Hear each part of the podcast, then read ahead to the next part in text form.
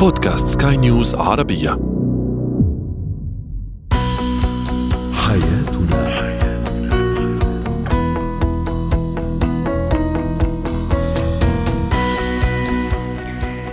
مستمعينا الكرام في كل مكان أهلا بكم معنا إلى برنامج حياتنا برنامجكم اليومي الذي يعنى بشؤون الأسرة وباقي الشؤون الحياتية الأخرى والذي يمكنكم الاستماع إليه عبر منصة سكاي نيوز ارابيا dot com slash بودكاست وباقي منصات البودكاست الأخرى.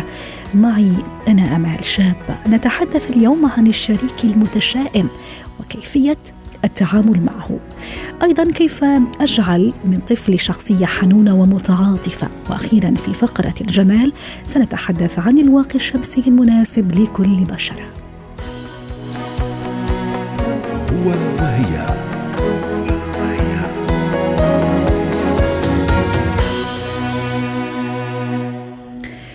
يعد التشاؤم من الصفات التي ترهق النفس وتجعلها عرضة لاهتزازات صحية عديدة ونفسية أيضا. لذلك يجب على كل شريك ما دام الحديث أو الفقره عن الشريك والشريكة أن يبتعد كل البعد عن هذه السمة. لكن كيف اتعامل مع هذا النوع من الشركاء سواء زوج أو زوجة؟ للحديث عن هذا الموضوع تنضم إلينا عبر الهاتف من القاهرة الدكتورة عزة حامد زيان استشارية العلاقات الزوجية والأسرية. يسعد أوقاتك دكتورة عزة من هو هذا الشريك؟ ما هي صفات الشريك أو الشريكة المتشائمة والمتشائمة؟ أهلا وسهلا ومساء الخير يا أهلا وسهلا آه من هو الشريك المتشائم هو شخص بيبالغ دايما في تقييم المواقف والظروف اللي بيمر بيها في حياته وبيتوهم حدوث حاجات بصورة آه، بعيدة تماما عن الواقع وبيعيش كمان في أوهامه جدا جدا. شايف دايما أموره بنضارة سوداء فقط. بس عايزة أبتدي بس كلامي بأولادنا وبناتنا المقدمين على الجواز وبقول حذاري حذاري من الارتباط بالشريك أو الشخص المتشائم وإنه في علامات لو لقيتها في هذا الشخص أعرف على طول إن ده شخص متشائم وساعتها أراجع نفسي وأفكر كويس قوي قوي قبل الارتباط بهذا الشريك. هقول آه، سريعا كده العلامات دي شريك حاجة- الشريكة طبعا. الحديث اليوم عن عن الزوج والزوجة دكتورة عزة. أكيد أكيد. طيب. أول أول صفة أول صفة ألاقيها المتشائم ده بيحمل الأمور أكبر من حجمها جدا جدا وبيؤمن كمان بالخرافات. تاني حاجة بيشوف في كل حاجة حواليه ودي مهمة جدا حتى إحنا ممكن نلاقيها في ناس حوالينا. بيشوف في كل حاجة حواليه مؤشر سلبي له حتى لو ما كانش آه، له أي علاقة بيه يعني مثلا سمع صوت نهيق الحمار بالنسبة له بيتوقع آه، حدوث أي شيء آه، مش مش كويس نعم. مثلا أو أي حاجة وحشة هتحصل له. طب لو كوباية كسرت مثلا يبقى اليوم آه، مش معدي على خير. يعني باختصار كده فريسة سهلة لأوهامه. ويعمل إسقاطات سلبية كثير. بالظبط كلامه كمان نلاقيه دايما ناقد وهدام وأناني جدا. آه نلاحظ كمان آه في الشريك المتشائم ده بيندب حظه باستمرار. شايف أخطاء كمان الناس مبروز أخطاء الناس. وكمان جال جلاد وبيجلد نفسه فوق العادة. يعني يركز على أخطاء وأخطاء الآخرين أليس كذلك؟ صحيح لأنه بيشوف الجانب السلبي فقط من الأشياء سواء من المحيطين أو من نفسه أو من ذاته. كمان طموحه محدود جدا وتفكيره غير عقلاني بالمرة. مش شايف إلا الجانب السلبي للأشياء زي ما قلنا. يعني مثلا يقولوا إيه إيه رأيك في الوردة دي؟ يقول لهم دي مليانة شوك لكن ما عندوش أي استعداد يشوف أي جانب إيجابي أو جانب منور للأشياء. من أول ما يصحى من النوم لغاية ما ينام تاني في حالة من الضيق المستمر. عنده كمان اعتقاد قوي جدا إن الحاجات السلبية اللي في حياته هي اللي دايمة. أما الحاجات الإيجابية هي العارضة أو المؤقتة. وهذا ربما ما يسمى أيضا نفسيا دكتورة عزه برهاب السعادة، في ناس عندها رهاب من السعادة، عندها خوف من السعادة، فعلا هي تعتقد انه الأيام الجميلة أو اللحظات الحلوة صحيح. والسعيدة هي لحظات قليلة جدا. وغير دائمة. أيوه ولكن الحزن هو الدائم، فهذا نفسيا ما يعرف برهاب السعادة. ده حقيقي. في كلمات الله يبعدنا عنه طبعا وكل المستمعين يا رب. اللهم آمين هنلاقي كمان أحيانا كلمات ممكن تقع منه وتسقط منه كده. يقول إيه دايما يركز أنا فاشل أنا مش هقدر أنا مش هعرف مفيش فايدة كل دي كلمات سلبية متشائمة. خايف كمان دايما من حاجات ما تخوفش. ما بيحاولش تغيير واقعه السلبي ومكتفي فقط بالخوف. في بعض طيب. كمان الأعراض اللي بنلاقيها صحية عليه يعني اضطرابات جهاز هضمي متوتر قلق آه عنده ارتفاع أحيانا في ضغط الدم. كل دي علامات بتخلينا نركز قوي و- و- وبتخلينا نقول نخلي بالنا كويس قوي ده أيوه وك- وكيف نتعامل دكتورة عزة؟ هلا في البداية ذكرتي نقطة مهمة إنه للمقدمين على الزواج في هذا الإشارات يعني آه، يحبذ طبعا إنه نبتعد ه- عن هذا المتشائمين سواء كانوا آه، يعني من الشباب المتقدمين مثلا خطيب أو خطيبة. لكن ماذا عن الأزواج اللي هم خلص متزوجين تحت سقف واحد وأحد هذين الشريكين يعاني من هذه الصفة؟ كيف أتعامل؟ آه صح. إحنا خلاص اتجوزنا وإحنا خلاص بقينا زوج وزوجة. آه هنتعامل. هنتعامل لأن إحنا لازم نتعامل. لأن إحنا سند ودعم بعض. أول شيء أو أول خطوة في التعامل مع الشخص المتشائم الصبر. الصبر الصبر. الصبر عليه وعلى سلوكه وتصرفاته. تاني شيء التفهم. أفهم ليه متشائم. ومتشائم من إيه بالظبط؟ و- و- و- واناقشه ولكن إزاي؟ اناقشه بهدوء وببساطة. أراعي في المناقشة أو مناقشة هذا المتشائم عدم مهاجمته ومهاجمة أفكاره لأنه مقتنع بأفكاره جدا جدا وما عندوش استعداد يغيرها أصلا. والخوف إنه ينقلها لأولاده أيضا اللي هم أولادي أنا أيضا آه، دكتورة عزة. بالضبط. ال- ال- ال- التعامل مع الشريك المتشائم أمر حساس جدا جدا لأنه له تبعات كتير قوي. مهم جدا كمان أكون أنا كشريك موضوعي وودود في كلامي مع الشريك المتشائم. آه واجبنا زي ما قلنا على بعض إن إحنا نساعد بعض ونعين بعض. الشريك واجبه يتعاطف اولا مع شريكه ويحسسه إنه جنبه وينور له نور لو في مشكلة ينور له نور كده على حلها ويسيبه يترك له الفرصة لحلها. أفكره كمان بالحاجات الجميلة والذكريات الحلوة الإيجابية اللي حصلت في حياتنا أو في حياته. التشاؤم كمان على فكرة أحيانا بنكون إحنا السبب فيه كشركاء وكمحيطين يعني إحنا كيف؟ بنأثر تأثير قوي مم. جدا لخلق شخصية سلبية فوق العادة تخيلي بقى إزاي لما بنسخر أو نتهكم أو ننقد نقد شديد مستمر بنركز على نقط الضعف لهذا الشريك آه. كل ده بيخلي الشريك فاقد الثقة في نفسه وفاقد السيطرة على مشاعره السلبية كمان انعدام الثقة في النفس بيخليه يعتقد إنه لا يحسن تدبير الأمور ومش عارف ياخد قرار فينساق وراء انفعالاته ومشاعره السلبية المتشائمة. عايزة أقول إحنا عندنا وقت قدامنا أقل من 15 ثانية طيب عايزة أقول بس آه، آه، كلمة مهمة كمان للشريك حذاري حذاري حذاري من تأثير الأفكار السلبية المتشائمة لشريكك عليك. لأن أحيانا طبعا زي ما حضرتك قلتي بينقل هذا المتشائم أفكاره المتشائمة السلبية على الآخرين وعلى المحيطين خصوصا اسرته الزوجة والأولاد. نعم. نحافظ بقدر الإمكان على نظرتنا الجميلة للأشياء وللحياة ونركز بقدر الإمكان على باقي الصفات الجميلة الإيجابية اللي في شريكي. وأخيرا بتمنى لكل زوجين حياة اسريه سعيدة مستقره بدون تشاؤم شكرا لك دكتورة عزة حمد زياد استشارية العلاقات الزوجية والأسرية ويسعد الحياة.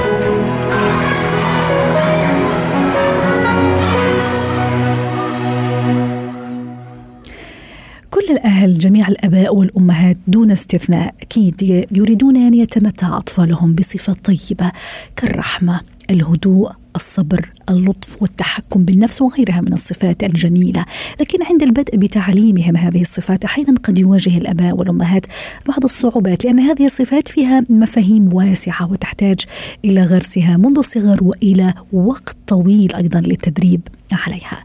نتحدث اليوم عن صفتي العطف والحنان، كيف أغرس هاتين الصفتين في أطفالي. للحديث عن هذا الموضوع تنضم إلينا عبر الهاتف من أبو ظبي هبة شركس الخبيرة التربوية يسعد اوقاتك استاذه هبه، كيف اغرس أو اغرس صفة العطف والحنان في في ابني أو ابنتي في طفلي أو طفلتي؟ آه، التعاطف والحنان علشان نقدر نغرسهم في الأطفال لازم في الأول نخليهم يعرفوا يتعاطفوا مع أنفسهم نعلمهم إن هو يحس بنفسه يعرف مشاعره يقدر يتعاطف مع نفسه يقدر يقدر إن هو موجوع دلوقتي متألم إن هو حزين في موقف معين.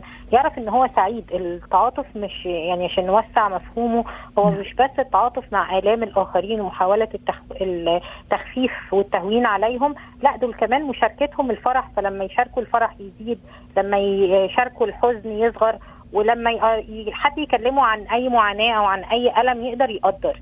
فعلشان يقدر الطفل يعمل الحاجات دي لازم يتقبلها في الأول ولازم يطبقها على نفسه هو في الأول. فأنا لازم يكون رقم واحد أكون أنا بقدر أتعاطف مع طفلي. إزاي أقدر أتعاطف مع طفلي؟ آه إن أنا آجي واقول له مثلا أنا حاسة إنك تعبت من المذاكرة. ممكن تاخد بريك مثلا شوية خمس دقائق آه شكلك زهقان النهارده. ملان. تفتكر ممكن تعمل إيه علشان تخرج من حالة الملل اللي أنت فيها؟ ممكن أقول له بيحكي لي حكاية مثلا فأقول له حسيت إن الموقف ده فرحك أنت فعلا فرحت بالموضوع ده فممكن مثلا مرة أقول له أنا شايفة إن أنت مستمتع باللعبة اللي أنت بتلعبها دي. آه إيه اللي مخليك مستمتع كده؟ لو لاحظتي في كل الأمثلة دي أنا بعكس له شعور داخلي جواه. بكلمه على مستوى المشاعر ما بدورش على حلول ما. ما ببحثش عن أي حاجة غير المشاعر. لو الطفل اتعلم إن هو يتفقد مشاعره في كل لحظة في كل المواقف ويعرف يسمي المشاعر دي وبعدين يعرف يعبر عنها أنا حاسس إن أنا فرحان علشان النهارده حصل حاجة معينة. أنا قادر أحس إن أنا حزين من الموقف ده وإن أنا كل المشاعر تبقى مشروعة حتى لو كانت بعض المشاعر اللي إحنا بنتخيل إن هي سلبية زي الغيرة مثلا فيحكي لي موقف فاقول له واضح إن أنت غيرت من صديقك في الموضوع ده. يعني إيه غيرت يعني حسيت إنك نفسك الحاجة دي تكون عندك. يعني معنى كده إن الغيرة دي بتعكس أمنيات. امنياته هو الداخلية. طيب اعرف أمنياتك الداخلية وافصلها عن الآخرين. لو هم حققوها فأنت كمان تقدر آه تحققها. فكون إن أنا أقول له إن من حقك تحس وإن المشاعر دي حق مكتسب وحق مشروع لكل إنسان في الدنيا اللي مش من حقنا هو السلوك. يعني أنا ممكن أحس بأي إحساس وبعد كده السلوك ده اللي لازم امرره على عقلي وأوزنه وآخد قرار بيه وأعمله علشان ما يأذيش حد. لو الطفل قدر يتعاطف يعني قدر أتعاطف معاه وقدر يفهم نفسه يقدر يفهم مشاعره سهل قوي إن أنا أتنقل للمرحلة الثانية إن أنا أخليه يتعاطف مع الآخر. وموضوع أني أفهم مشاعره أيضا أستاذة هبة أود أن أركز على نقطة أو أشير للنقطه أحيانا بحكم الجنس طفلي بمعنى بنت أو ولد أحيانا كأم أو كأب لا شعوريا أغرس في طفلي الولد. يعني فكرة إنه لا أنت قوي أنت لازم تكون صلب أنت لازم ما لازم تبكي أنت ما لازم تتعاطف. فلا شعوريا أنا أخلق فيه هذا الشخصية القاسية لأنه بكل ببساطة لأنه ولد وبعد سنوات سيصبح رجل ولازم رجل. ما لازم يكون متعاطف ولا لازم يكون حنون ولا لازم تكون عنده هذه الصفة من الحلم والهدوء والصبر والحنان. أليس كذلك؟ ده ده واحد من أهم الأخطاء التربوية اللي بتمنع إن إحنا نعلم ولادنا التعاطف والحنان إن أنا أفرق ما بين الجنسين أو احسس الولد إنه مش من حقه إن هو يحس أو إن أنا إن أنت لازم تكون صلب وقوي. مش معنى القوة إن أنا ما بعترفش بمشاعري بالعكس. أقوى الناس هو اللي بيقدر يعترف بمشاعره ويقر بيها وبعد كده يبقى يتعامل معاها. الرسول صلى الله عليه وسلم في دعوته في حادثه الطائف كان بيدعي ربنا اللهم إني أشكو إليك ضعف قوتي وقلة حيلتي وهواني على الناس. حديث إحنا بنتعلمه ودعوة إحنا بنتعلمها. فالانسان القوي هو اللي بيقر في لحظات الضعف إن هو حاليا بيمر بلحظة ضعف. من الأخطاء التربوية كمان اللي ممكن نعملها مع أولادنا إن إحنا بنبقى مش عارفين خايفة إن أنا أقول لابني إن أنا حاسة بيك فأنا كده أبقى بقر مشاعره وبقول له إن مشاعرك صح. يعني لو هو مثلا لعب ثلاث ساعات وزهقان فأنا خايفة أقول له أنا حاسة إن أنت لسه زهقان. لأنه أنت أصلا مش من حقك تحس إن أنت زهقان. لكن الصح إن أنا أقر بالمشاعر حتى لو كانت غلط أو إن أنا أعترف بالمشاعر حتى لو كانت غلط أنت واضح عليك إنك زهقان بس تعالى نتناقش بقى لكن مش لازم إن أنا أقول إن من حقك دلوقتي إن أنت تكون آه زعلان أو المفروض تكون زعلان. أنت استمتعت النهارده لعبت عملت.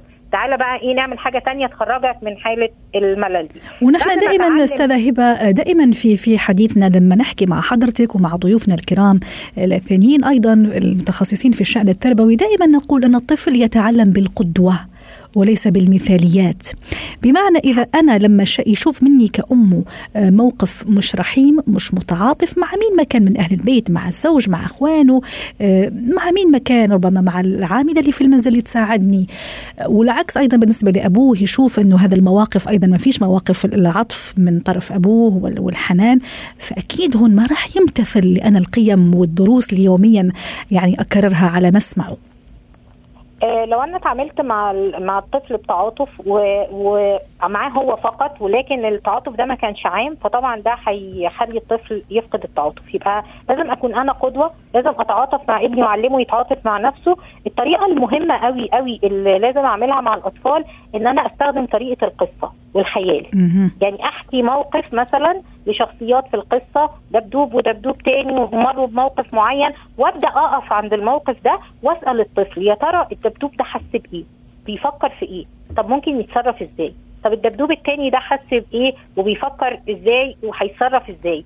آه لما أقف عند أحداث القصة والخيال مع خيال الطفل سهل قوي وهو منفصل عن الموقف يعني ده موقف بيتحكى له فأنا كده دي حاجة شبه الإسقاط في علم النفس فبيبقى سهل قوي إن الطفل يتخيل وسهل قوي إن الطفل يتعلم من المواقف دي وإن هو يخزن المعارف دي جوه السبكونشوس أو جوه اللاوعي فيقدر يستخدمها في المواقف الحياتية واضح. لو أنا بتعاطف معاه أنا قدوة بعلمه بالطريقة دي أسهل بقى حاجة إن أنا أعلمه إن هو يطبق الحاجات دي في حياته آه العملية لما يمر. بموقف أقول له ده الموقف ده شبه الحدوتة اللي حكيناها. طب إيه رأيك؟ هتتصرف إزاي؟ شكرا لك أستاذة هبة شركس الخبيرة التربوية. كنت معنا من أبو ظبي وسعد أوقاتك.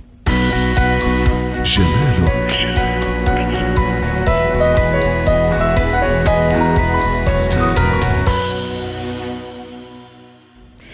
في فقرة الجمال نتحدث اليوم عن الواقي الشمسي. كي ما هو أولا الواقي الشمسي؟ ما هي فوائده وكيف أختار الواقي الشمسي حسب نوع حسب البشرة أيضا؟ للحديث عن هذا الموضوع تنضم إلينا عبر الهاتف آه، شادن ناجي اختصاصية الأمراض الجلدية والتجميل. يسعد أوقاتك دكتورة شادن الواقي الشمسي من بين الأشياء الضرورية جدا اللي لازم تكون موجودة عندنا في البيت. أحيانا نستهين به أحيانا يعني لسبب أو لآخر نتكاسل في انه نحط الواقي الشمسي قبل أي شيء لكن أتصور أنه ضروري بكلمات بسيطة وعبارات بسيطة ما هو هذا هذا المركب؟ المركب هو عبارة عن آه، مادة كيميائية. نحن بنحطها على بشرتنا لحتى نقدر نحمي بشرتنا من أشعة الشمس ونخلي الفترة اللازمة آه، لأشعة الشمس. تقدر تحرق البشرة هي فترة أطول. تمام وبالتالي إنه هي بتقدر تحمينا من أشعة الشمس لفترة مؤقتة وليس لفترة مديدة. جميل. آه كثير مهم استخدامه ما لازم هو يكون شيء يعني اختياري هو شيء أساسي شيء إجباري لازم نستخدمه بشكل يومي مو بس مشان انه نحن بنحب نهتم بجمالنا ومشان نأخر عملية التقدم بالسن ولكن لأنه له دور كثير أساسي في عملية التخفيف من حدوث سرطان الجلد. وبغض النظر أيضا دكتورة شادي نستخدمه بغض النظر عن الفصل اللي حنا فيه مثلا إذا في الشتاء أو الربيع أو الصيف أو المنطقة أيضا إذا كانت حارة ولا باردة. والفترة ما دام نحن الآن في فترة حجر صحي مثلا منزلي هل هذا يغنيني عن استخدام أو عدم استخدام ال- ال- الواقي ال- واقي الشمس؟ طبعا كثير سؤال مهم. نحن أشعة الشمس موجودة طول فترة النهار يعني وين ما كنا بأي منطقة من مناطق العالم هي رقم واحد. رقم اثنين سواء كنا بالشتاء أو بالصيف أو بالربيع أو بالخريف فهي موجودة. ورقم ثلاثة بدنا ما ننسى أنه أشعة الشمس قادرة على اختراق الزجاج. وبالتالي نحن حتى لو قاعدين بالبيت رح نحكي تفصيل أكثر. نعم. نحن مضطرين نعمل وقاية من أشعة الشمس. الاختلاف بيكون على هوا نمط حياتنا. إذا نحن عم نطلع لنتعرض لأشعة مباشرة بشكل أكبر خلال فترات النهار المو... بيكون كمان الاختلاف بأنه قديش درجة الحرارة وقديش في حر وقديش أنا رح أقعد مثل ما قلنا فترة بالخارج هون نعم. بي- بيتغير بقى النوع اللي بدنا نختاره من, طيب. من واقيات الشمس جيت الآن أنا كسيدة كصبية جيت أختار واقي الشمس دكتورة شادن ما هي الأشياء اللي لازم أحطها بعين الاعتبار حتى أختار واقي شمس مناسب لي ويعطيني الفوائد المرجوة في النهاية آه، تمام هلا أول شيء نحن أول نصيحة بننصح فيها لازم نستخدم واقي الشمس هو عبارة عن واقي شمس طبي واللي هو بنشوفه بالصيدليات وليس واقي الشمس التجميلي لأنه واقيات الشمس التجميلية هي واقيات غير معايرة يعني ما بنقدر نتأكد 100% إذا هي تعطي نفس الرقم اللي موجود كعامل حماية على المركب. هي رقم واحد. رقم اثنين ما بنقدر نستخدم واقي الشمس اللي هو موجود بقلب الفاونديشن أو بقلب كريم الأساس أو بقلب الكريم النهار اللي إحنا بنحطه لأنه لازم نستخدم كريم خاص اسمه sun block أو sun protection cream. لأنه إذا كان مع كريم ثاني فبيكون تركيزه أقل. هلأ شو النوع اللي بدنا نستخدمه؟ بدنا نستخدم شيء مناسب لبشرتنا بحيث إذا إذا كان بشرتنا دهنيه بنحاول نروح للمركبات اللي بتكون مائية أكثر لوشن أكثر أما إذا كانت بشرتنا جافة بنروح للمركبات اللي بتكون كريمية أكثر لحتى ما يكون في عنا عنصر التدهين. كثير من الستات بيشتكوا بحط واقي الشمس فبشرتي بتزيت أو بتدهن. دحين هذا السبب بأنه نحن ما عم نختار واقي شمس مناسب. هلا إذا بدنا نحكي إنه شو المركب الأساسي اللي لازم يكون موجود بواقي الشمس إما لازم ناخذه عن طريق آه، إما إنه لازم آه، ناخذه عن طريق نصيحة الطبيب أو إنه لازم إذا نحن بدنا نشيك عليه بالصيدلية غالبية واقيات الشمس تحتوي على نوعين اللي هي واقيات الفيزيائية والكيميائية وهي بتكون أفضل. بالنسبة لل SPF أو عامل الحماية إذا هون بيلعب دور نمط حياتنا. هلا نحن ونحن قاعدين بالبيت نحن فينا نستخدم هلا آه، واقي شمس عامل الحمايه تبعه 15 بين 15 ل 30 أما إذا كنا عم نطلع لبرا وبنطلع بنمشي ولو 10 دقائق أو ربع ساعة خلال النهار أو رايحين على شغلنا أو ممكن نطلع بين بناية وبناية أثناء فترة عملنا بدنا نستخدم عامل حماية اللي هو على الأقل 30 أو إذا كنا عم نعمل أي نشاط خارجي. آه النقطة الأخيرة يفضل أن نستخدم شيء بنسميه wide spectrum sun block واللي هو اللي بيحمي من نوعين من أشعة الشمس اللي هن ال UVB وال UVA سابقا كنا نعتبر فقط ال UVB هو النوع اللي بيؤدي للحرق الشمسي وهو النوع اللي بيؤدي لسرطان الجلد ولكن ال UVA هو كمان بيقدر يعمل damage لل skin وبيقدر يعمل شيخوخة مبكرة على مستوى الجلد. دكتورة شادن آخر سؤال في أقل من 15 آه، ثانية. أنا كم مرة أستخدم مثلا إذا أنا في البيت مثلا في هذه الفترة الحجر المنزلي في كثير سيدات جالسين في البيت هل أستخدمه بس مرة واحدة أم أكثر من مرة؟ ومثلا أنا بالنسبة لي كسيدة عاملة مثلا أطلع صباح وأرجع المساء لبيتي.